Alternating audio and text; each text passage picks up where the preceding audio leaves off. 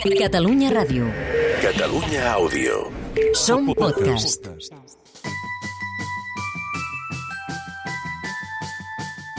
Sants i estalvis.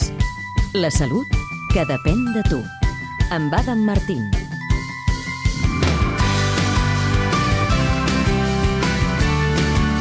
Hola, benvinguts als Sants i Estalvis. Ja ho sabeu, el programa d'hàbits saludables de Catalunya Ràdio. Nutrició, alimentació i activitat física. Avui dedicarem una estona a parlar de la fruita, sobretot a desmuntar alguns dels mites que hi ha al voltant del consum de la fruita. El principal és que la fruita, com que té sucre, sobretot fructosa, ens engreixa, està relacionada amb l'obesitat. Altres mites ja els sabeu, per exemple, que després de dinar, si prenem fruita, tenim una pitjor digestió, i una de les més importants, que repeteix més sovint i que molta gent se la creu, tant sí com no, que és que si sopem eh, fruita, després també podem tenir problemes. Què hi ha de cert en tot això? Doncs per saber-ho, com sempre, mirarem què en diu l'evidència científica, que en definitiva és el que, el que importa. Ja us avanço que hi ha dues situacions en les quals sí que és millor evitar el consum de fruita. Veurem quines són després. De moment parlem dels mites al voltant de la fruita. Tastes like strawberries on a summer evening, and it sounds just like a song. I want more berries and that summer feeling. Abans de fer una ullada al que diuen els estudis científics, que sempre és interessant, és molt més interessant fer un exercici que us recomano que feu sempre quan parlem de temes de nutrició i d'alimentació. Aplicar el sentit comú. La fruita forma part de la dieta humana des de sempre. Fa centenars de milers d'anys que ens acompanya i, en principi, sembla que no ha tingut eh, cap incidència sobre la nostra salut. A més a més, posem un context. Ens preocupa la fruita quan en realitat ens haurien de preocupar segurament altres coses. Per exemple, que a Catalunya i a la resta del món consumim més calories que provenen de l'alcohol que no pas dels aliments, o que, per exemple, multipliquem per dos el límit recomanat de consum de sal diari, que es troba en 5 grams, doncs eh, ens anem amb facilitat als 10 grams diaris. O, aquesta dada encara és més preocupant, el 40% de totes les calories que ingerim els catalans i les catalanes provenen d'aliments ultraprocessats. Totes aquestes dades provenen del llibre Come Mierda de Julio Basulto, que ja sabeu que és dietista i nutricionista, aquí, per cert, li van fer una entrevista fa uns quants capítols. Eh, clar, en tot aquest context on hi ha problemes reals, considerar que la fruita pot ser un problema potser no seria la, la millor opció. Parlem d'alguns dels mites. Per exemple, que la fruita ens engreixa sobretot a causa dels sucres que conté la fruita, especialment la fructosa, que és molt dolenta. Sempre que parlem de sucres, eh, hem de tenir en compte aquella distinció que fa l'OMS entre sucres que formen part de manera natural d'un aliment i els sucres afegits. L'OMS en parla en termes de sucres intrínsecs i sucres eh, afegits o extrínsecs. Quan un sucre forma part de la matriu alimentària d'un aliment, segons l'OMS, no és cap problema. De fet, totes les recomanacions que fan sobre consum de sucre, 25 grams com a màxim al dia, no apliquen quan aquest sucre es troba a dins d'un aliment, d'un aliment sencer, a la seva matriu alimentària. Per tant, en aquest sentit, el sucre que conté la fruita, segons les recomanacions dels principals organismes de salut del món, no hauria de ser un problema.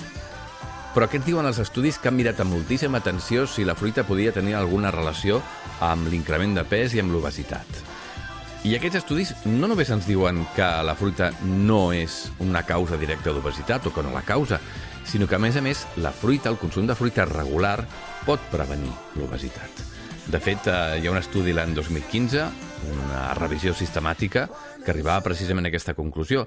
Relacionava directament l'increment de consum de fruita amb una disminució del pes i del perímetre de la cintura. Ja sabeu que el perímetre de la cintura està directament relacionat amb l'increment de risc cardiovascular. És un estudi aquest del 2015, l'any 2019 es va tornar a fer un altre estudi, una revisió sistemàtica i va arribar a les mateixes conclusions. Clar, i ara molts de vosaltres estareu dient, ja, però i això de la fructosa? Perquè he llegit molts estudis que diuen que la fructosa és molt dolenta per la salut. Aquests estudis tenen tota la raó del món. El que passa que amb la fructosa passa exactament el mateix que passava amb el sucre. Una cosa és la fructosa que trobem de manera natural a dins dels aliments, en especial la trobem a la fruita, però també en algunes hortalisses, i l'altra cosa és la fructosa, quan s'aïlla de la seva matriu alimentària i es fa servir sobretot com a producte industrial per endolcir determinats productes, com per exemple les begudes refrescants. Si es fa un estudi analitzant aquest últim tipus de fructosa, doncs aleshores és molt fàcil que arribem a la conclusió que la fructosa és dolenta per la salut i que està relacionada amb l'obesitat, etc etc. Però si fem el mateix estudi amb la fructosa que hi ha de manera natural a dins de determinats aliments, les conclusions són radicalment diferents. Per què és important que la fruita formi part de la nostra dieta de manera habitual? D'entrada perquè redueix la ingesta energètica total. Com que és un aliment amb una baixa densitat calòrica, és a dir, té molt poques calories, però és molt ric en nutrients, és molt interessant. A banda, la fruita també té un efecte saciant que és molt important.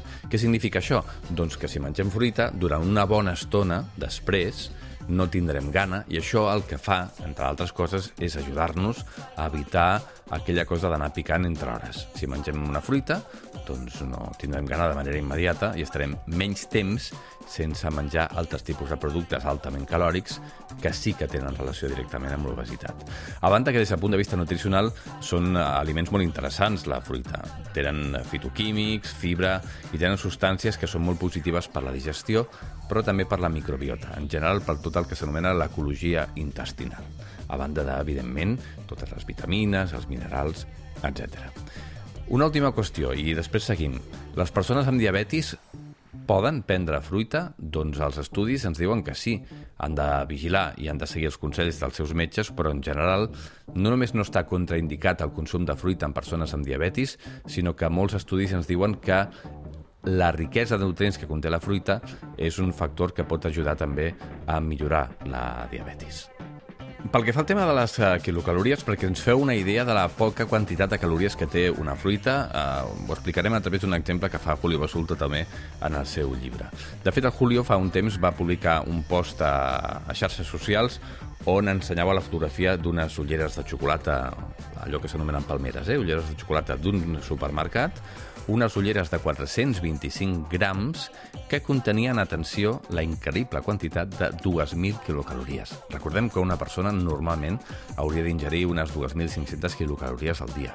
Per tant, amb una sola palmera de xocolata ja s'estaven ingerint pràcticament totes les calories que es necessitaven al llarg d'un dia.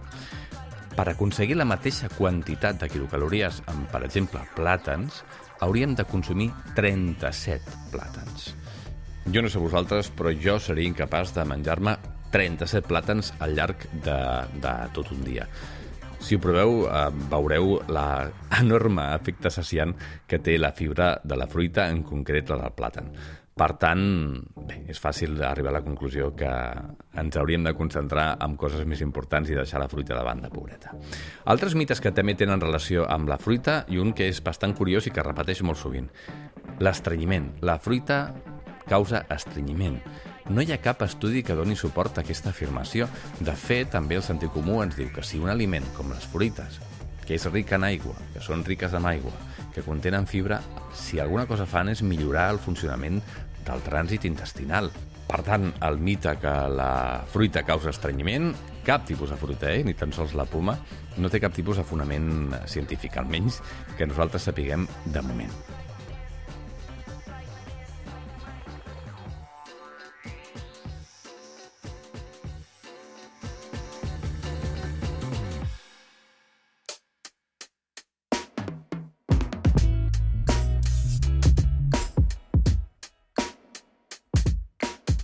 Més mites. Si consumim fruita a la nit, dormirem molt malament. Això tampoc té cap tipus d'evidència científica. Sí que sabem, per exemple, que el metabolisme o la digestió dels hidrats de carboni a la nit és una mica pitjor però diem una mica pitjor. Això ho sabem gràcies als estudis que es fan sobre cronobiologia. Aquesta diferència és absolutament insignificant, per tant podem menjar fruita sense cap problema a qualsevol moment del dia. A la nit també. Si esteu pensant ara, ja, però és millor no ingerir carbohidrats a la nit, perquè com que anem a dormir i no els cremem, es converteixen directament en greix. No es convertiran directament en greix, a no ser que haguem ingerit molts carbohidrats o moltes quilocalories, és igual la font nutricional d'on provinguin aquestes calories, al llarg del dia. Si al llarg del dia hem menjat moltes calories, qualsevol tipus de caloria que entri a la nit, ja vingui d'una proteïna, ja vingui d'un greix, ja vingui d'un hidrat, segurament contribuirà a incrementar el nostre pes, però si no és així, no serà cap tipus de, de problema. Un altre mite. No hem de menjar fruita després de dinar perquè entorpeix la digestió. És millor menjar la fruita entre àpats. Aquesta afirmació tampoc no se sosté des del punt de vista de l'evidència científica, però tampoc des del punt de vista de com funciona el sistema digestiu. No passa absolutament res si mengem fruita després d'un àpat. No només això, sinó que en alguns casos pot ser beneficiós per la digestió, perquè la majoria de fruites o algunes fruites contenen un tipus d'enzims molt concrets, que són les proteases, que ens ajuden a digerir millor les proteïnes, sobretot les proteïnes d'origen animal.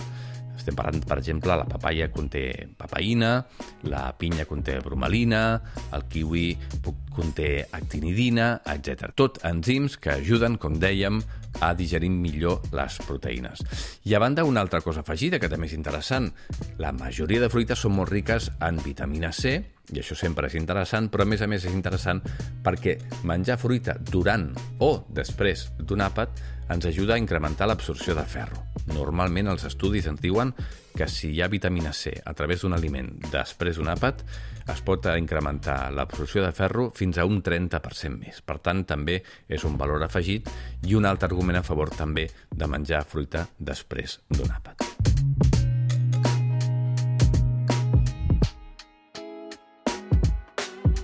I us havíem dit al principi que en alguns casos determinats sí que és millor reduir o evitar el consum de fruita. En quins casos? El primer i el més evident és quan aquesta fruita es converteix en un suc de fruita perquè aleshores ja no estem parlant de fruita. Ja ens hem carregat la matriu alimentària i tots aquells arguments que dèiem a favor de defensar els sucres i la fructosa a dins de la fruita, tots aquells arguments deixen de tenir sentit perquè aquells sucres que eren intrínsecs es converteixen en sucres lliures i, per tant, es tornen perjudicials per la salut sempre que els mengem en excés. Per tant, no és el mateix una fruita que un suc de fruita i si volem ocupar-nos de la salut i sobretot si ens preocupa el tema del pes, és millor reduir el consum de sucs, encara que siguin casolans, i sobretot, evidentment, evitar totalment el consum de, de sucs industrials que moltes vegades, a banda del sucre propi, contenen sucres afegits. És un tema digestiu. Digerim amb molta més rapidesa els sucres lliures que hi ha a dins d'un suc que no pas els sucres que hi ha dins de la matriu alimentària d'una fruita que estan associats, a més a més, amb altres nutrients que el que fan és alentir l'entrada d'aquest sucre a dins de la sang, cosa que sempre és beneficiosa. Per tant, primer cas, quan no hem de menjar fruita? Quan aquesta fruita està convertida en un suc. Evidentment, aquesta regla també té excepcions, perquè, per exemple, les persones que estan practicant esport durant la pràctica esportiva i durant els minuts eh, després de la pràctica esportiva poden menjar sucs sense problema i fins i tot seran beneficiosos perquè aquesta ingesta de hidrats de carboni segurament els ajudarà a recuperar-se millor o a continuar fent la cursa. I el segon cas. En quin cas no hem de prendre fruita tampoc? Doncs quan tenim alguna patologia renal, per exemple, i determinats minerals no se'ns posen bé, per exemple, seria el cas del potassi o patologies relacionades amb determinats minerals, això us ho dirà el metge i només el metge, i també quan hi ha un tipus d'intolerància molt concreta a alguns nutrients que conté la fruita, especialment a la fructosa. Les persones que tenen fructosèmia, per exemple, o altres tipus de patologies associades amb la fructosa, doncs, evidentment, per raons molt òbvies, no haurien de consumir fruita. El problema no és la fruita, sinó que tenen un problema, una patologia, que els impedeix menjar-la. En la resta de casos, incorporem la fruita sense por a la nostra dieta habitual. És un aliment molt interessant, ric en nutrients, ric en vitamines, ric en minerals, ric en aigua, ric en fibra, baix en calories, saciant i que té molts avantatges per la salut. no posem el focus en la fruita a la nit, en la fruita després de dinar, en problemes que són menors i posem el focus en els problemes que són realment importants, com per exemple el consum excessiu d'alcohol o el consum excessiu de calories que provenen dels ultraprocessats. Aquí és on hi ha el problema real i aquí és on hi ha el problema que fa que estiguem perdent salut a través dels aliments o a través de productes alimentaris concrets. En una dieta saludable, sense que hi hagi patologies associades, mengem fruita sense por i només obtindrem avantatges per la salut.